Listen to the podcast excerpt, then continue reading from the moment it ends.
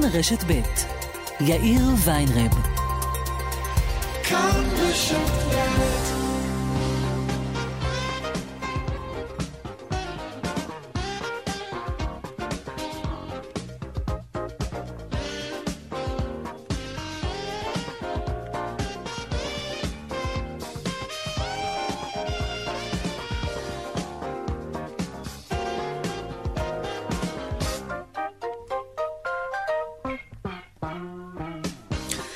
שלום רב לכם, ארבע ועוד שש דקות בדיוק, כאן צבע הכסף ברשת ב', יום רביעי, עורך ומפיק היום את התוכנית אביגל בשור, טכנאי השידור שלנו קובי ראובני, הדואל שלנו כרגיל, כסף, כרוכית, כאן.org.il, אפשר ליצור קשר גם בדף הפייסבוק שלנו, כאן ב', אני יאיר ויינרב, מעכשיו עד חמש, אנחנו מיד מתחילים.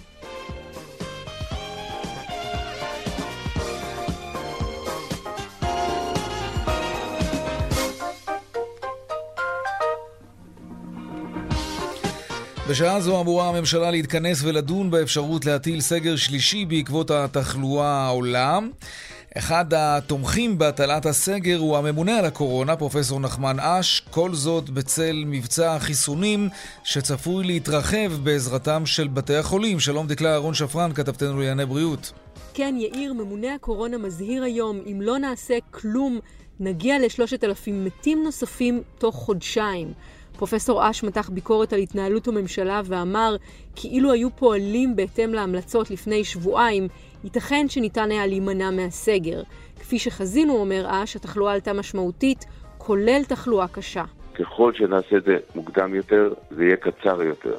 ככל שאנחנו ממתינים, זה יהיה יותר ארוך. אני מקווה מאוד שהציבור יבין אה, שצריך לעשות את הצעד הזה, זה חשוב מאוד לעשות את הצעד הזה, וזה יהיה הסגר האחרון. כן, ומבצע החיסונים נמשך ונכנס היום ליומו הרביעי. שר הבריאות הורה כי גם בתי החולים יחלו לחסן את האוכלוסייה בנוסף לקופות החולים כבר מהשבוע הבא, כדי להגביר באופן משמעותי את קצב החיסונים בישראל. וצריך להגיד, יאיר, ישראל נמצאת כרגע במקום השני בעולם בשיעור המתחסנים לנפש. תודה רבה, דקלה אהרון אה, שפרן. עוד מעט גילי כהן תעדכן אותנו על מה קורה בישיבת הממשלה, שאמורה כאמור לדון בין היתר בהטלת סגר שלישי. המגזר העסקי, מטבע הדברים, בלחץ מהאפשרות של סגר, אבל גם יום השבתון ביום הבחירות מטריד אותה מאוד. הנה רועי, רועי כהן, נשיא להב.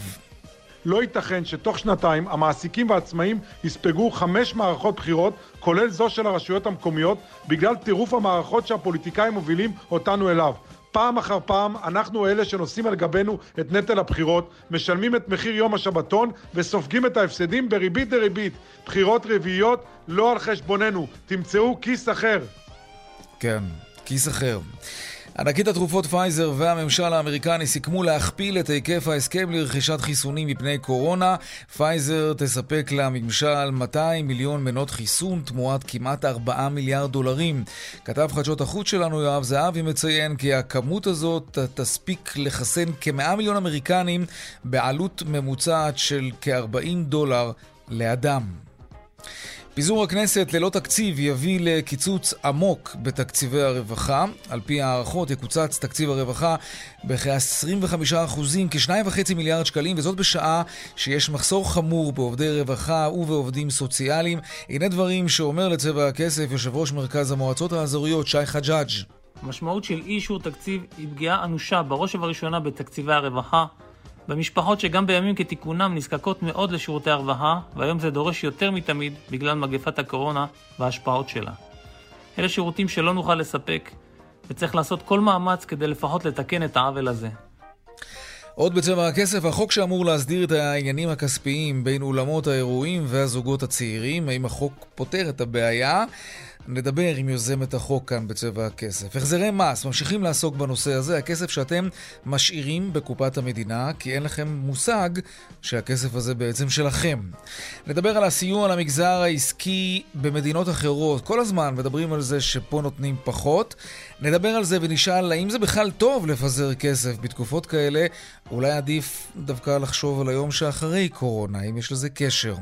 נספר לכם גם על קול קורא לציבור הכללי להציע רעיונות למחקרים מדעיים בתחנת החלל הבינלאומית. לשם יטוס האסטרונאוט הישראלי השני, איתן סטיבה. והדיווח משוקי הכספים לקראת סוף השעה, כמדי יום. אלה הכותרות, כאן צבע הכסף. אנחנו מיד ממשיכים.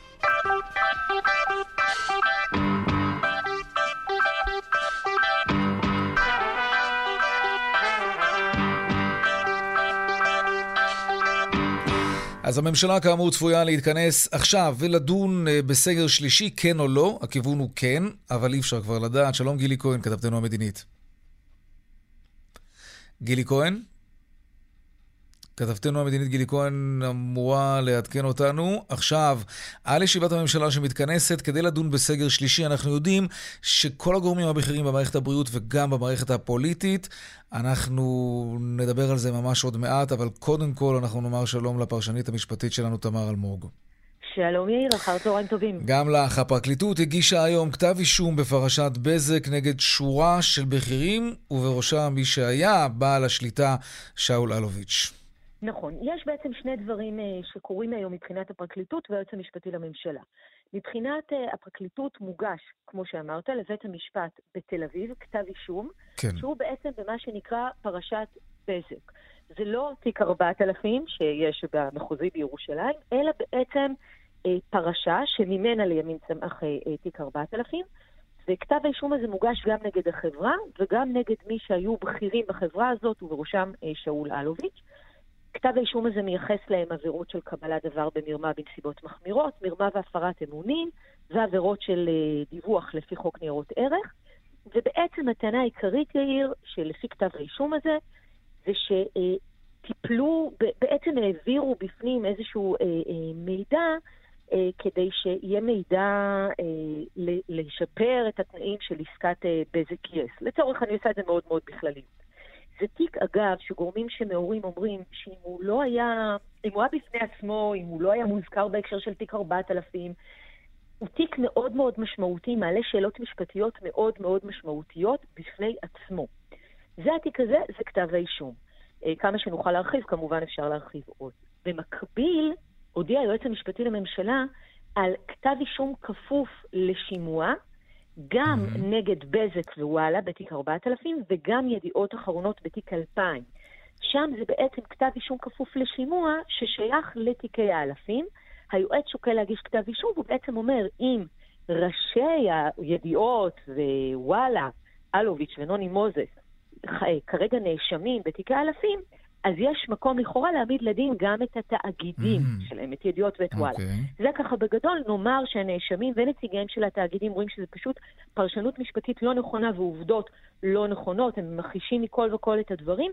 כאמור, בהחלט יום מאוד משמעותי מהבחינה הזאת. רק ממש בקצרה ברשותך, תמר, איך, איך מגישים כתב אישום נגד תאגיד? כלומר, מי, מי ייתן את הדין, אם, אם, אם יהיה צורך בסוף? זאת שאלה מעניינת. בקצרה התשובה היא שגם תאגיד יכול בעצם לתת את הדין, גם תאגיד יכול להיות מורשע לצורך העניין, mm-hmm. וכמובן יש לכך השלכה מבחינת אה, המסחר, מבחינת אה, אה, כלכלית וכן הלאה. ما, מה יכול להיות גזר דין במקרה כזה? אני מניח שעיצום כספי. כלומר, בוודאי, כן. נכון. וזה גם עצם הרישום כאמור גם הוא משמעותי, כאשר התאגיד mm-hmm. צריך מישהו לייצג אותו. זה יכול להיות עורך דין, כמובן, זה יכול להיות מישהו מהבכירים, וזה לא אומר דווקא שהבכיר עצמו יהיה נאשם בתיק, ויעיר, וכל זה בלי שדיברנו, ועל כך בפעם אחרת, איך זה ישפיע, כן או לא, על תיקי האלפים המתנהלים במחוזי ירושלים.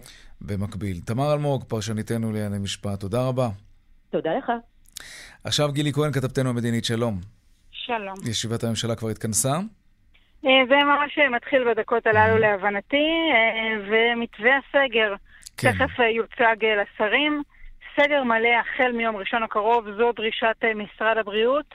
סגר שכולל גם את המסחר, גם את מערכת החינוך, גם את uh, מגבלות התנועה, כולל מגבלת האלף מטרים. כמו שהיה לנו כבר. ואיתור אירוח בבתים. כן, כן כמו שהציבור mm-hmm. הישראלי כבר התרגל גם במהלך כולל, ראש השנה. Mm-hmm. זה כולל כן? גם את האיים הירוקים?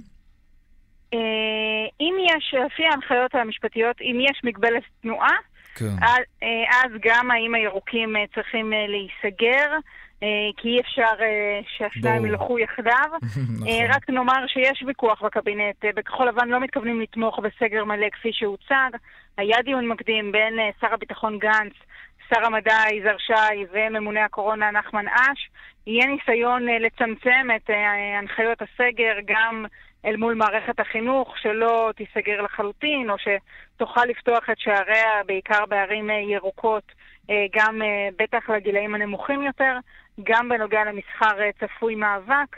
ישיבת הממשלה כאמור אמורה להתחיל ממש בדקות אלו. אוקיי, אז זה אומר שההצעה העיקרית שידונו בה השרים זה סגר מיום ראשון, סגר כללי. האם על פי ההצעה של משרד הבריאות הוא יהיה תחום בזמן, או שגם בעניין של אסטרטגיית היציאה יש ויכוחים שם? ההצעה מדברת על 25 ימים, אבל mm. גם uh, חשבו אולי uh, לקבוע מדד uh, מספרי, כלומר שיהיה ניתן לצאת מהסגר כאשר מספר הנדבקים היומי הממוצע אה, מדי יום אה, ירד על מתחת לאלף, להבנתי בסוף החליטו כן לתחום את זה בזמן, אה, אבל שוב, אנחנו מדברים על ההצעה שתוצג בפני השרים, לא ההחלטה הסופית. כרגיל, יש לנו כבר ניסיון עם הישיבות הללו, איך שהן מתחילות ולא איך שהן מסתיימות. גילי כהן, כתבתנו המדינית, אם תתקבלנה החלטות עד חמש, אנחנו כאן כמובן, תאותתי לנו. אל תבנה על זה, יאיר. גילי כהן, כתבתנו המדינית, תודה רבה. תודה. עכשיו נספר לכם, בפרסום ראשון, סיפור על התעשייה האווירית, יש טענות שהיא לא משלמת כסף לספקים שלה. שלום דנה ירקצי, כתבת התחום הכלכלי שלנו. שלום יאיר. את מפרסמת את הסיפור הזה, על מה וכמה מדובר? כן, אז התעשייה האווירית אה, מעכבת אה, בחודש האחרון תשלומים של מספר לא קטן של ספקים, אפשר להגיד אפילו מאות, בהיקפים של עשרות מיליוני שקלים, כך נודע לכאן חדשות. Mm-hmm. מה הסיבה? חודש, בתחילת חודש דצמבר התעשייה האווירית מעכבת את התשלומים הללו על סחורות שסופקו לפני שלושה חודשים. מדובר בתשלומי שוטף פלוס 90 שהיו אמורים להיפרע בחודש הזה. בשתי פעימות בתחילת חודש דצמבר. הנימוקים לאי התשלום אה, מצד התעשייה לספקים זה שיש בהתחלה שיש בעיות במערכת, לאחר מכן הסבירו שהם בודקים את הנושא, בהמשך תרצו את, אה, את הסיפור של תקיפת הסייבר. וכעת משלא הגיע תשלום נוסף ב-15 לחודש, נמסר להם כי מדובר בהחלטת הנהלה, והם לא מוכנים לפרט מדוע יש עיכוב בביצוע התשלומים. אה, בעקבות האירוע, ספקים רבים פנו להתאחדות התעשיינים. ועוד בתקופה כזאת זה סיפור די רציני, כשספקים לא נכון. לא מקבלים כסף, כן. בבקשה שיסייעו להם לפתור את הסוגיה. אנחנו יודעים משהו על מצבה הכלכלי של התעשייה האווירית, שאולי מקשה עליה להעביר את ה... בה. כן, בשל הקפאת תקציבים על ידי משרד הביטחון. Mm-hmm. החברה כבר דיווחה בתוצאות הרבעון השלישי אה, שלילי, ש... סליחה, תוצאות רבעון השלילי של 188 מיליון דולר על חוב של לקוח אה, מהותי שלא מהווה סיכון. בתעשייה האווירית אומרים לנו כי החברה מטפלת להסדרת הנושא בהקדם ולא מתייחסת ליחסיה עם לקוחותיה. מאות ספקים לא מקבלים כסף מהתעשייה האווירית. דנה ירקצי, תודה רבה לך על הסיפור הזה, על הפרסום הראשון הזה כאן אצלנו בצבע הכסף. תודה. תודה. לעניין הבא שלנו, אמ, בעיה שהתעוררה להרבה מאוד זוגות צעירים, אבל לאו דווקא זוגות צעירים, גם משפחות שרצו לחגוג איזשהו אירוע, אבל לצורך העניין, זוגות צעירים שהיו אמורים להתחתן ולא יכלו בגלל המגפה. התשלומים המוקדמים בהרבה מאוד מקרים לא חזרו אל הזוגות הצעירים.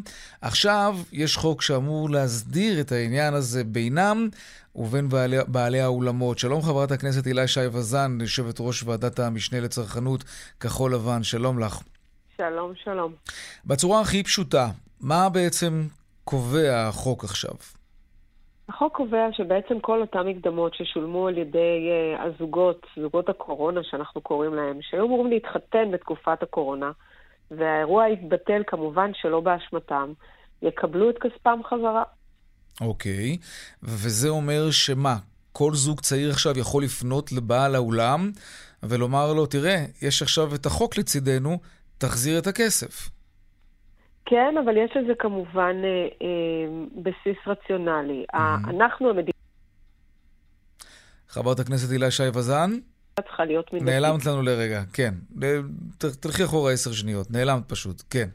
המדינה, כן. המדינה צריכה להתערב כאשר אם היא כבר עושה אה, התערבות חוזית, כמובן במקרה קיצון כמו התקופה הזו שלנו בקורונה, זה צריך להיות כמובן כאשר שני הצדדים עושים את המקסימום כדי, לקבל את ה- כדי לקיים את החוזה. Mm-hmm. ולכן כן נדרש משני הצדדים למצוא, לנסות למצוא תאריך חלופי אה, במשך כחמישה חודשים. אה, כלומר, אם הם לא הם, הצליחו... הם חייבים לנסות לקבוע כזה תאריך. זאת אומרת, זה סוג של זיכוי בתור התחלה, ואם לא, אין... לא, זה לא, זה לא זיכוי. הם צריכים לעשות מאמץ לקיים את החוזה, כי זה העיקרון הבסיסי ביותר בדיני חוזים בין שני גורמים שחתמו חוזה ביניהם. אוקיי. אבל אם הם עשו את המאמץ הזה ועדיין החתונה לא יכלה להתקיים, אז כל הכסף אה, יחוזר להם.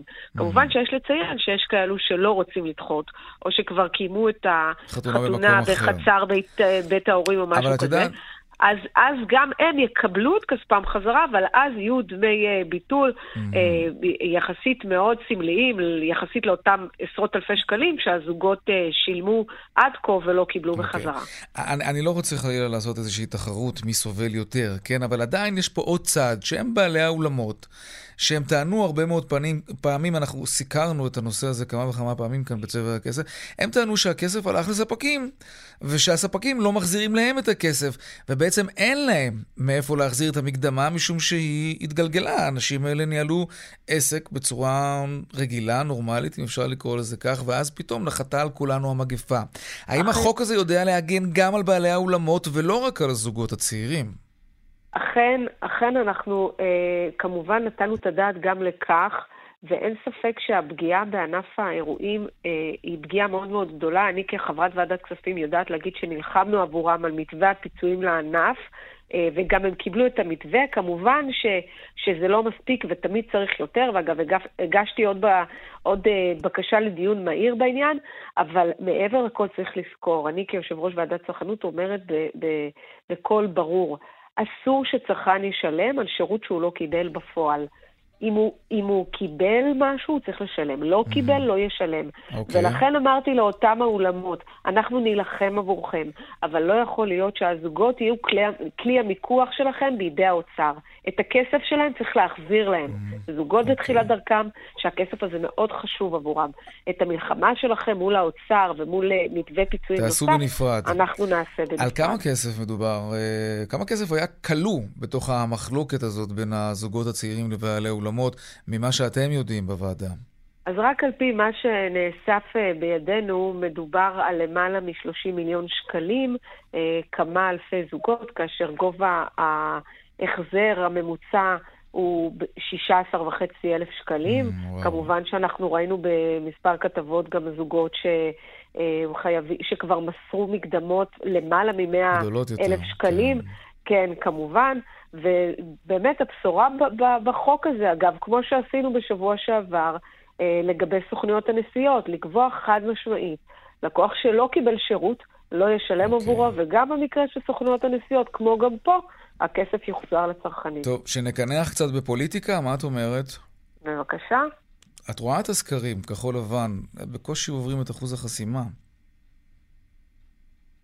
תשמע, אז, אתה יודע, אה, אני נזכרת שרק לפני אה, פחות משנה בערך, ראינו אדם ושמו נפתלי בנט יושב כל הלילה וסופר אה, קולות חיילים, ולבסוף בבוקר מתבשר שהוא לא עבר את אחוז החסימה. אה, והוא למשל עכשיו נמצא במצב אה, אה, די טוב באותם הסקרים עם אה, מספר דו-ספרתי. למרות ש... אז אני לא... כן, גדעון סער קצת מכרסם בו, כן. אז אני, אבל עדיין, סקרים זה סקרים, אנחנו אה, רק אה, ב, ב, בתחילת בסופה, הדרך? או בתח... כן, לא, יש מאיזה 90 כיוון יום, זה לא הרבה. את יודעת איך זה עובר. אה, ועדיין, אה, אני מציעה לשים את הסקרים היכן ש, שמקומם, וזה ככה בדקות הראשונות של אה, מהדורות החדשות. מהמם. אה, ואני כן מאמינה שהציבור בסופו של דבר יראה שמפלגה ששמה אה, מולה את האינטרס הציבורי, האמיתי, ולפני כל אינטרס אחר, נו, אז למה אה, הוא לא רואה את זה עכשיו, ללכת, אה, כששואלים אותו בסקרים, ונותנים לכחול לבן חמישה, שישה מנדטים, זה... אתם מפלגת שלטון, כאילו, חלק מהשלטון. ואפילו פירקתם את זה כדי להיטיב עם העם.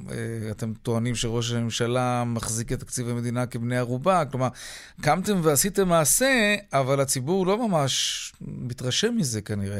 את מחפשת אגב מסגרות פוליטיות אחרות? יכול להיות? לא, אני לחלוטין לא מחפשת לא, מסגרות. לא עוברת לגדעון אני... סער או משהו כזה? אני בכחול לבן. אני מאמינה שגם הציבור בסופו של דבר יראה את זה, למרות המחיר הבאמת כבד שכחול לבן שילמה בגלל הכניסה לממשלה. כן. אבל uh, אם אנחנו חושבים על מה יכול היה להיות, אם הרגל לא הייתה על הברקס, ואם לא היינו באמת uh, מוודאים שלא יהיה התערבות, לא במינויים פוליטיים ולא בדריסת שלטון החוק, וכל מיני דברים אחרים שאתה יודע, אנחנו יכולים להגיד uh, לא קרה, אז לא היה. אבל uh, בהחלט היה יכול להיות אם כחול לבן לא הייתה. אין מגעים עם תקווה חדשה, גדעון סער? לא. נפגשת איתו? לא. Mm, מעניין. חברת הכנסת... אני שמחה להיות מקור לספקולציות, אתה יודע, אומרים שזה טוב. זה מעולה. אבל uh, לצערי אני נאלצת לאכזר. Mm-hmm. חברת הכנסת הילה שי וזן, יושבת ראש ועדת המשנה לצרכנות, טוב, כבר אין. אז, uh, וכחול לבן, עכשיו ולתמיד, אם אנחנו מבינים אותך נכון. הפוליטיקה, בפוליטיקה, כמו בפוליטיקה, אנחנו יודעים רק מה היום. אה, הנה, נתת פתח בסופו של דבר. תודה, הילה, חברת הכנסת הילה שי וזן. תודה, תודה לך. דיווחי תנועה עכשיו. דיווחי תנועה. יש לנו עוד כזה. טוב, נעשה את זה בלי עוד. כן, זה יכול לעבוד לא רע. בדרך 6 לכיוון צפון יש עומס תנועה ממחלף נשרים עד בן שמן וממחלף קסם עד מחלף חורשים. אם אתם מוצאים את האות, שימו, זה הרבה יותר נחמד. בהמשך אה, יש עומס כבד ממחלף עירון עד מחלף אליקים. באיילון צפונה יש עומס ממחלף חולון וקיבוץ גלויות עד שבעת הכוכבים, ולכיוון דרום ממחלף ההלכה עד לגוארדיה. עדכוני תנועה נוספים בכאן מוקד התנועה, כוכבי 9550, ובאתר שלנו, אתר התאגיד, אתר כאן. הפסקת פרסומות קצרה. ומיד אנחנו חוזרים עם עוד צבע הכסף, נדבר על כל קורא שפורסם כדי שאתם, הציבור, תציעו אמ, כל מיני רעיונות למחקרים מדעיים שיעשו אותם בתחנת החלל הבינלאומית, מחקרים מדעיים ישראליים כמובן, עם האסטרונאוט שלנו שיגיע לשם. פרסומות מיד חוזרים. לא, גם אין פרסומות. וואו. טוב, אז uh, נדבר על החלל עכשיו, מה יותר טוב מזה? שלום רן לבנה, מנכ"ל קרן רמון, uh, הוא מנהל המשימה הישראלית לחלל. שלום רן. לא, גם את רן אין לנו. טוב, נשים אולי איזה שיר ככה, נתארגן, נראה מה קורה כאן? לא. טוב. הנה, קרן רמון פרסמה קול קורא לציבור, כאמור, תציעו רעיונות למחקרים מדעיים בתחנת החלל הבינלאומית. שלום רן לבנה, מנכ"ל קרן רמון ומנהל המשימה הישראלית לחלל, שלום לך. שלום, שלום. מקווה שבחלל התקשורת קצת יותר טובה. תזכיר לנו את לוח הזמנים להמראתו של האסטרונאוט איתן סטיבה. אנחנו מתכננים, השיגור מתוכנן כרגע להיות בינואר 2022. כן. אני... יש, יש לי איזושהי נטייה שהוא קצת יידחה בכמה חודשים, אבל בוודאות יהיה ב-2022. שיגורים בחלל בדרך כלל נדחים קצת. אוקיי. תגיד, למה לפנות לציבור בענייני מדע וחלל? זה לא, זה לא למקצוענים בלבד? תגיד. תראה, אנחנו, אנחנו היום פרסמנו, כמו שדיווחתם, כן. קול קורא. אה, שהיעד שלו הוא אוניברסיטאות, בתי חולים, מוסדות מחקר ובעיקר חברות אה, אה, סטארט-אפ ותעשיות, להעלות איתנו ניסויים ולעשות הדגמות טכנולוגיות בחלל. מה למשל? כל דבר שאפשר לחשוב עליו. כדי שחברת פאנלים סולאריים, לדוגמה, תיכנס לשוק החלל, תמכור לחברות כמו SpaceX או Lockheed Martin או תעשייה אווירית שלנו פאנלים סולאריים, הן צריכות לעשות מה שנקרא POC. אה, להדגים שהפאנל הסולארי שלהם עובד בתנאי עובד חלל. עובד בחלל. טמפרטורה mm-hmm. או מאוד גבוהה או מאוד נמוכה, יש קרינה okay. קוסמית, זה דבר מאוד מסובך. אז אנחנו רוצים לאפשר לאותם יזמים אה, ולאותם חברות ולאותם חוקרים שחוקרים דברים שהם רלוונטיים, אה, לעלות איתנו לחלל. כדי לבצע ניסוי בחלל, הדבר הזה עולה המון המון המון המון המון כסף.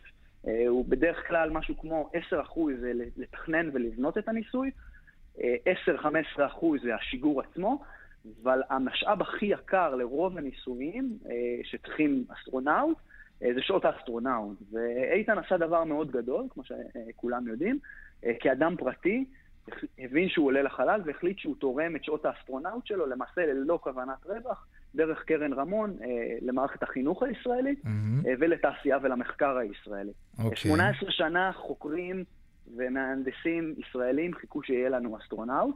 בשלנו. והיום, בש... כן, והיום בשעה טובה ביחד. אז אה, מה, מה למשל. הוא, תן לנו ככה איזה משהו שיסעיר את הדמיון שלנו, שהוא צפוי לחקור שם, ואולי זה ייתן השראה ל- לרבים אחרים שירצו כל- להציע משל עצמם, כן. כל מה שאני מדבר עליו עכשיו הוא רק דוגמאות. כן. כי כמובן שאנחנו לא יודעים מי יגיש, וזה קול קורא, ויש ועדה בלתי תלויה בראשות ענבל קרייס, עם שותפים מאוד טובים מהממשלה, שישפטו ויגישו. אה, והקול קורא הזה, כל, כל מי שמנצח עליו גם עם שותפות מלאה של משרד המדע והטכנולוגיה וסוכנות החלל. אבל אני יכול לספר לך שיש בישראל מספר קבוצות שעושות תקשורת קוונטית, שזה בעצם הדבר הבא בטכנולוגיה של המאה ה-21. אה, וכדי לעשות הדגמה אמיתית של תקשורת קוונטית, אתה צריך מה שנקרא free space, אתה צריך ואקום. אה, אני מאוד מקווה שאותן קבוצות ייגשו לקול קורא שלנו ויוכלו להיות, אולי אפילו ישראל תהיה המדינה הראשונה בעולם שתדגים את הטכנולוגיה הזאת אה, בחלל. אוקיי, מה הטכנולוגיה אה, הזאת יודעת לעשות? כי לא כולם מבינים בטכנולוגיה, מ- קוונטית, בפיזיקה קוונטית, כן. מאוד מאוד מוצפנת, והאמת שאולי הייתי צריך ללכת על, דוגמה שהיא אפילו הרבה יותר פשוטה, אבל Mhm. אה, תחשוב על סטארט-אפ ישראלי שמפתח לצורך העניין אה, בדיקות שתן אה, ברימוט, שאתה עושה את הבדיקת שתן בבית, מצלם עם האייפון, וככה מקבל את התוצאות שלך שזה- כאן ועכשיו. זה מבוסס אה, על תורת הקוונטים. לא, זה מבוסס, זה דווקא מבוסס על, על, על בינה מל- מלאכותית, לקחתי דווקא, הלכתי שנייה אה, לטכנולוגיה אוקיי. אחרת לגמרי. כן, לא, כי, כי התורה הקוונטית אה, גורסת כן, זה- שאפשר להתקיים בשני מקומות בעת ובעונה אחת. חשבתי שאתה נותן דגימת שתן פה ומישהו אחר מקבל את זה שם. חשבתי שלזה לא, אתה מתכוון. זה, זה, אולי קצת הסתבכנו, אבל אני אעצור שנייה ברשותך ל- כן. לאותה בדיקת שתן, אז אותה חברה שיצרה איתנו קשר לפני הקול קורא אמרה, "אה, בחלל צריך לעשות המון בדיקות רפואיות, מדברים על זה שיצאו בערך פי שלושה, פי ארבעה יותר אנשים. בעשור הקרוב אה, מהעשורים הקודמים. אה, אנחנו רוצים לעבוד עם נאס"א, אבל כדי שאותה חברה תעבוד עם נאס"א ותמכור לאותה- לנאס"א את אותן בדיקות שתן, היא צריכה לעשות הדגמה כזאת בחלל. מהמם. אז אנחנו נאפשר לה ונספק גם את האסטרונאוט, ואני מקווה מאוד שאם אוקיי. אותה- אותה קבוצה, אותה חברה תדורג גבוה, אה, היא תשלח איתנו. תגיד, קראת אה, את הריאיון בשבעה ימים אה, של ידיעות אחרונות עם פרופסור חיים אשת, שעמד בעבר בראש אה, תוכנית החלל הישראלית? בוודאי, בוודאי. אוקיי, אז אה, לא- אולי לא כולם קראו, רק. נאמר שפרופסור חיים אשת סיפר באומץ רב, צריך להגיד, ש... שחייזרים כבר נמצאים כאן, הם חיים בינינו, ושהם הם אפילו ביקשו אה, מראשי המעצמות כאן לא לפרסם את זה כדי לא לעורר פאניקה בציבור, ושהם מעורבים בחיים שלנו ואנחנו אפילו לא יודעים עד כמה. מה אתה אומר על זה? אה, אז בואו נתחיל בזה שהציבור לא מכיר את פרופסור חיים אשד, מהמם. כי את רוב שנותיו הוא עשה בצבא, והוא לא איזשהו כוכב ריאלי. חיים אשד הוא כן. אדם שכולנו חייבים לו הרבה מאוד.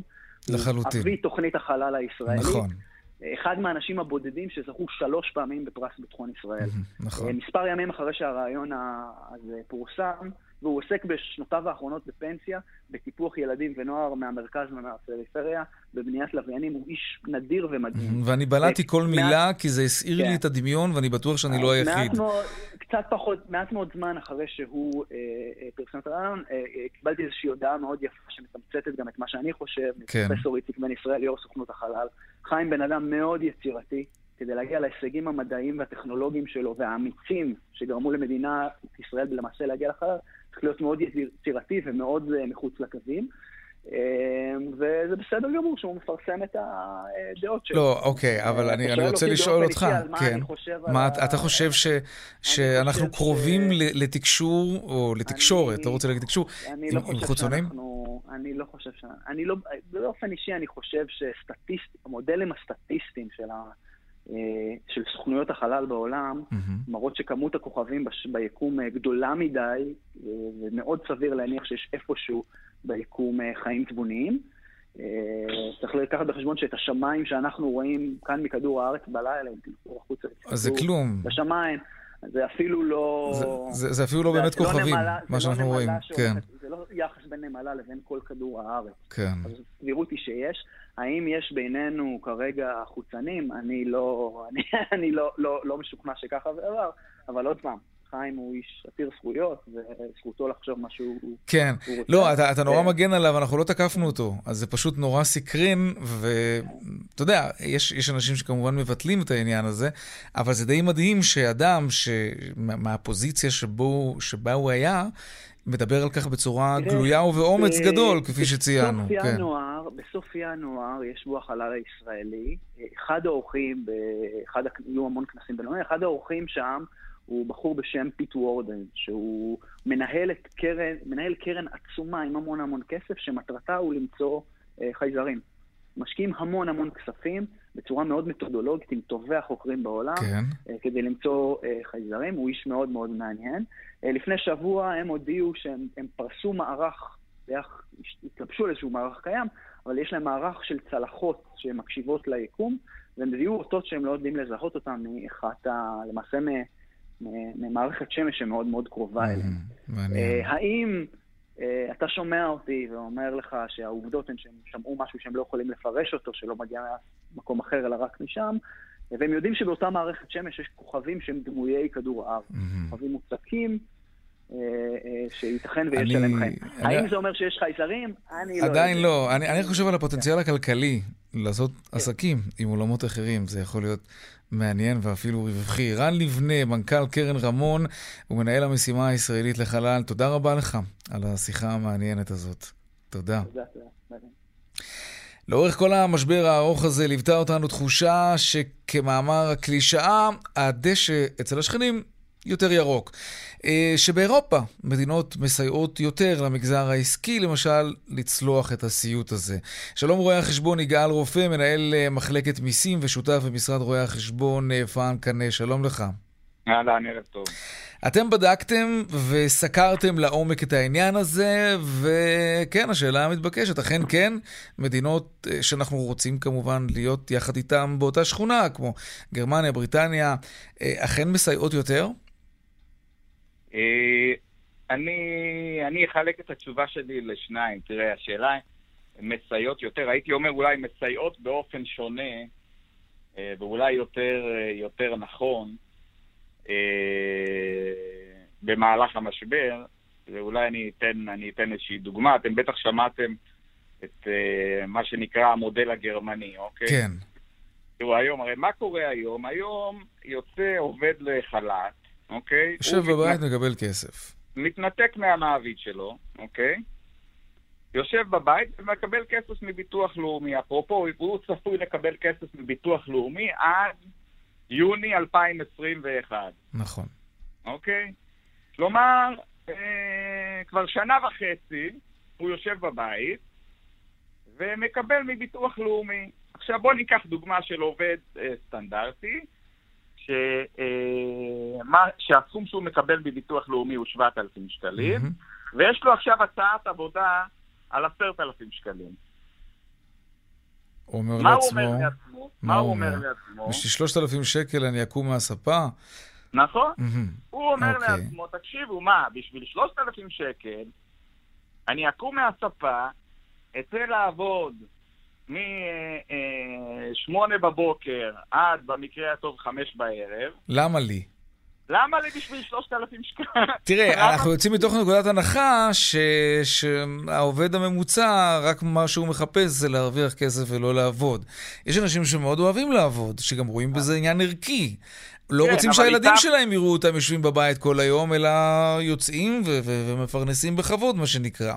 נכון, אבל איתם, אבל עם סוג האנשים הזה אין לנו בעיה. עכשיו, מה עשו מדינות אחרות כדי לפתור את הבעיה הזו? אמרו, לא, אנחנו את הכסף לא ניתן לעובד ישירות, אנחנו ניתן את הכספים למעסיקים, ואותו עובד שיכול לקבל אה,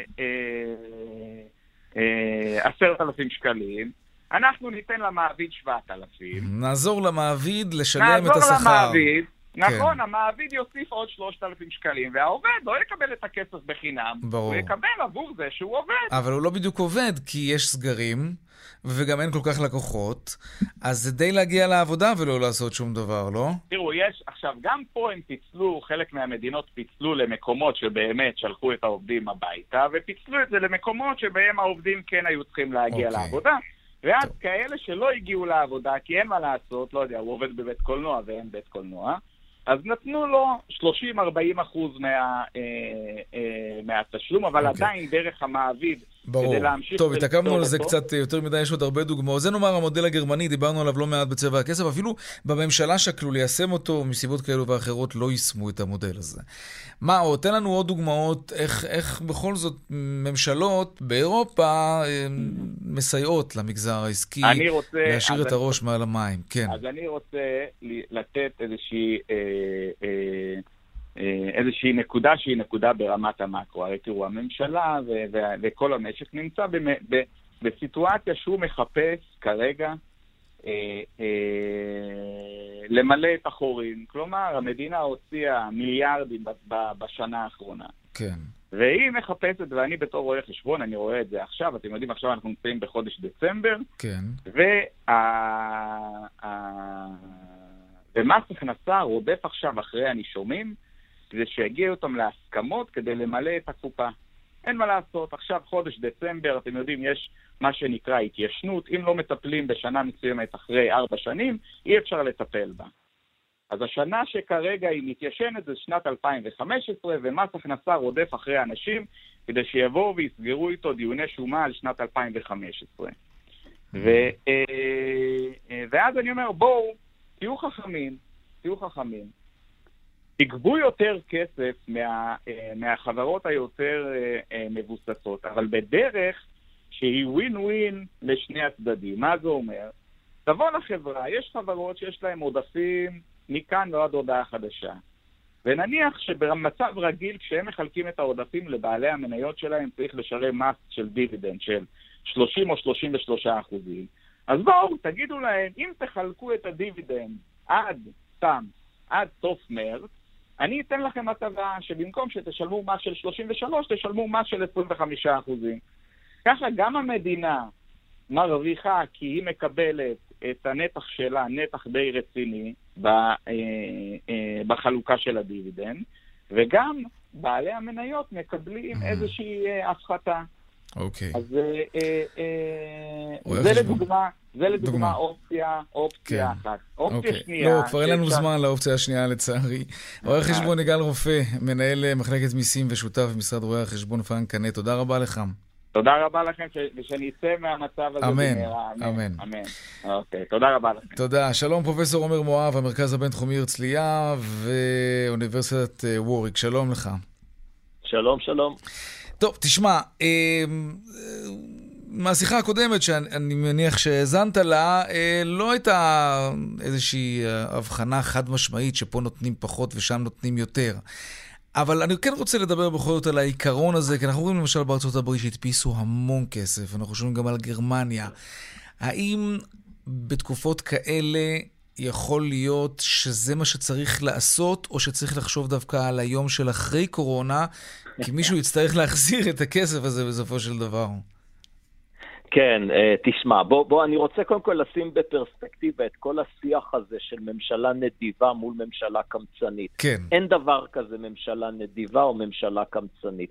בוא נגיד ששר האוצר יהיה בסמכותו לצוות עליך לתת לי כסף, אוקיי? נגיד. אם הוא יגיד, אה, יאיר, תן לעומר עשרה שקלים, אז נגיד שהוא קמצן, לעומת זאת, אם הוא יכפה עליך לתת לי אלף שקלים, אז נגיד שהוא נדיב. אהה, הרי זו הבנתי. שטות מוחלטת. כן. אין לממשלה, שר האוצר, ראש הממשלה, אמנם הם מתרברבים כאילו זה כסף שלהם, אבל לא.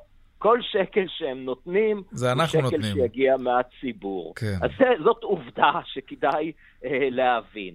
אה, ולכן צריך לזכור שבאמת, כפי שאמר מי שדיבר לפניי, הדבר הנכון הוא לא רק היקף הסיוע שיש לו מחיר, אלא האם הסיוע נעשה בתבונה. מהמם. אני לא רוצה להרחיב את הדיבור, אבל הסיוע של ממשלת ישראל נעשה ממש ממש לא בתבונה. אה, וזאת הבעיה באמת המרכזית. צריך שוב לזכור, זו הנקודה המרכזית. שים, שים את האצבע על משהו שהוא הכי לא תבוני בעיניך. תראה, אז באמת הנושא, כפי שנאמר פה המודל קודם, הגרמני, הנושא כן. של דמי אבטלה, שכבר עכשיו, טוב, תראה, זה כמובן היה סתם פטפוטים, אנחנו מבינים עכשיו, של השר ישראל כץ, שכבר היום, בדצמבר, דחוף לו להבטיח שביוני לא ייפסקו דמי האבטלה. הבלתי מותנים, אז זה היה ממש אה, מהלך סתם אה, פופוליסטי. זה מדאגה למובטלים או בגלל שאנחנו בקמפיין בחירות? מה אתה אומר? אז ברור שזה הכל עניין של קמפיין בחירות, אבל, אבל בוא נדבר על הכלכלה. נגיד שזה לא שאני טוען שנגיע ליוני ועדיין יהיה במשק שיעורי אבטלה מאוד גבוהים, אה, אז לא צריך לסייע למובטלים. כמובן שצריך, אבל למה להכריז על זה היום? מוטב mm-hmm. להכריז על זה במרץ, אפריל. למה להגיד לאנשים כבר היום, אתם יושבים בבית, מסרבים לעבודות, תמשיכו לסרב, יהיה בסדר. אה, ואם, וכמובן שמצב כזה, האבטלה אף פעם לא תרד אל מתחת ל-7.5 אחוזים. יש את המענק שנתניהו חילק לכלל הציבור, והיו עוד המון המון... נגיד מענקים מהסוג הזה.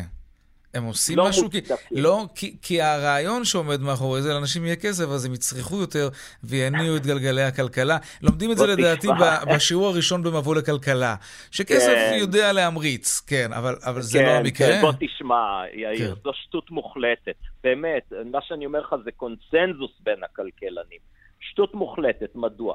לגבי המודל הקנסיאני הזה, בוא ניתן כסף ולאנשים יהיה יותר כסף, זה ימריץ mm-hmm. את הכלכלה. יש לגבי זה ויכוח, האם זה אפקטיבי במיתון מהסוג הרגיל. אבל היום, לפני שיש לנו חיסון נגד הקורונה, כשהכלכלה הולכת כל הזמן לכיוון של סגר וצמצום פעילות, לנסות לתמרץ את הכלכלה במחיר מאוד כבד, כבד במובן שאנחנו נצטרך לשלם בעתיד, זו באמת, זה פשוט שטות מוחלטת, זה היה אקט של פופוליזם אה, מוחלט. עכשיו תראה, מה שבאמת חשוב להבהיר, ו- ואת זה צריך להבין, את הצד של המחיר. ואנחנו שומעים כל מיני אנשים שאומרים, תשמע, מה זה חוב, הריבית נמוכה, והחוב אף פעם לא מחזירים אותו, רק ממחזרים. זה נכון, אבל לכל שקל שהממשלה מוציאה עכשיו, היא חייבת לקחת הלוואות שאנחנו, הציבור הרחב נשלם אותן, כן. חתום וישלם עליהן. זה נכון שהממשלה, כשיגיע מועד הפירעון, אז אנחנו משלמים בעצם רק את הריבית, והיא מאוד נמוכה, אבל כל פעם שצריך להגדיל עוד ועוד, לחשוב שאין לזה עלות, תראה כמה זה מטומטם. נגיד שזה הנכון, אז בוא בכלל, זהו, למה לשלם בכלל מיסים? נעצור mm. לגמרי, למה בכלל לעבוד? שהממשלה תיקח הלוואות ותחלק לנו מכל טוב. עכשיו, כל מי שיש לו אה, עונה מתפקדת מבין שזה בלתי אפשרי. ולכן ברור לגמרי שכל שקל נוסף שמוצאים, וזה לא משנה אם זו הוצאה מוצדקת או הוצאה לא מוצדקת, הוצאה נבונה או הוצאה אווילית פופוליסטית, כל שקל כזה יוגש לנו החשבון. בסופו של דבר. מזה. כן, הדבר הכי חשוב להבין, כן. זה שהתנהגות לא אחראית של ממשלות הובילה, אפשר לראות לאורך ההיסטוריה בישראל ובמדינות נוספות, למשברים. זה אפשר להסתכל, אתה יודע, אפילו שוודיה בשנות ה-70 של המאה הקודמת. גירעון מאוד גבוה, משבר כלכלי עמוק שפגע מאוד קשה בכלכלה שלהם. אני הולך בכוונה לשוודיה, לא מדבר איתך על יוון mm-hmm. וארגנטינה ועוד מדינות כן. כמו ונצואלה. גם מדינות שבדרך כלל מתנהלות בצורה אחראית, הרשו לעצמם הפקרות כלכלית ושילמו על זה מחיר מאוד מאוד כבד. זה המחיר של הערה אחת תרשה לי, רק לסיום, כן, כי זמננו מתקצר. כן. הערה ממש קטנה, לממשלת ישראל מה שאין זה בעיית נזילות. הבעיה זה באמת עומק החוב והמחיר שלו, לא נזילות. Mm-hmm. ולכן זאת תהיה טעות לתת היום הקלות במס כדי לזרז את הגבייה. טוב, נקודה למחשבה. אה, לא נראה לי שיהיו הקלות. פרופסור עומר מואב, המרכז הבינתחומי באוניברסיטת ווריק, תודה רבה לך. תודה רבה והמשך ערב טוב. שנעבור את התקופה הזאת מהר. תודה. דיווחי תנועה עכשיו.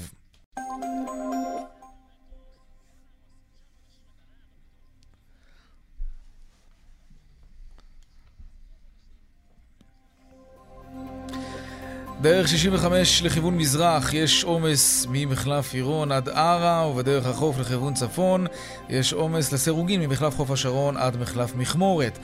דיווחי תנועה נוספים בכאן, מוקד התנועה כוכבי 9550 ובאתר שלנו, אתר התאגיד, אתר כאן.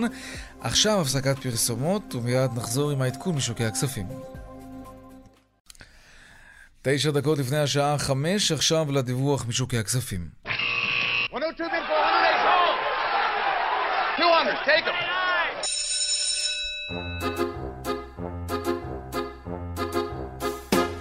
שלום לירן לובלין, אנליסט שירותי בורסה אנליסטים, שלום. שלום יאיר. כן, איך היה יום המסחר היום? סכם לנו. אז uh, המדדים המובילים בישראל uh, נסחרים זה יום שני ברציפות במגמת עלייה קלה. נראה שהבורסה שלנו לא ממש מתרגשת מהכישלון בהעברת התקציב, מסבב בחירות נוסף, אפילו חששות מסגר שלישי כבר לא משפיעות על השוק בישראל. Uh, אז uh, נכון לעכשיו המסחר בתל אביב, מחזורי המסחר uh, די דלים, המדדים המובילים נסחרים בעליות קלות, תל אביב 35 uh, נסחר בעליות של 0.2%, תל אביב 125 נסחר בעליות של 0.1%. אה, מדד המניות הקטנות, ה-SME 60, רשם, אה, רושם עליות יפות של בערך 3%. אה, מדד מניות הבנקים, יום שני רצוף בצבע ירוק עם עליות של אחוז אחד, ובצד השלילי מניות הנפט והגז שרושמות ירידות של בערך אחוז ורבע. מניית פורסייט בולטת בעליות היום עם זינוק של כ-90%, וזה ברקע לדיווחים על פיתוח מכונית אוטונומית מצידה של אפל. התגובה של המניה בשוק היא ככל הנראה ברקע להערכות שהחברה תהנה מהגל החיובי במגזר הרכבים האוטונומיים. אה, שווקי חו"ל, מדד הדקס הגרמני רושם עליות של כ-1.2%. אה, פתיחת המסחר בארצות הברית גם היא ירוקה, מדד ה-S&P פתח בעליות של 0.4%, מדד הנסדק נסחר אה, נכון לעכשיו ירידות קלות של משהו כמו רבע אחוז. ובגזרת המטח, שער הדולר ממשיך לשבור שיאים שליליים, אה, השער היציג נקבע על 3 אה, שקלים 22 אגורות ושתי, וש, ושתי עשיריות האגורה, mm-hmm. ושער האירו ירד גם הוא ועומד על 3 שקלים 92 אגורות ו-9 עשיריות. לירן לובלין, אנליסט בשירותי בורסה, אנליסטים, תודה רבה על ההסכמה הזאת.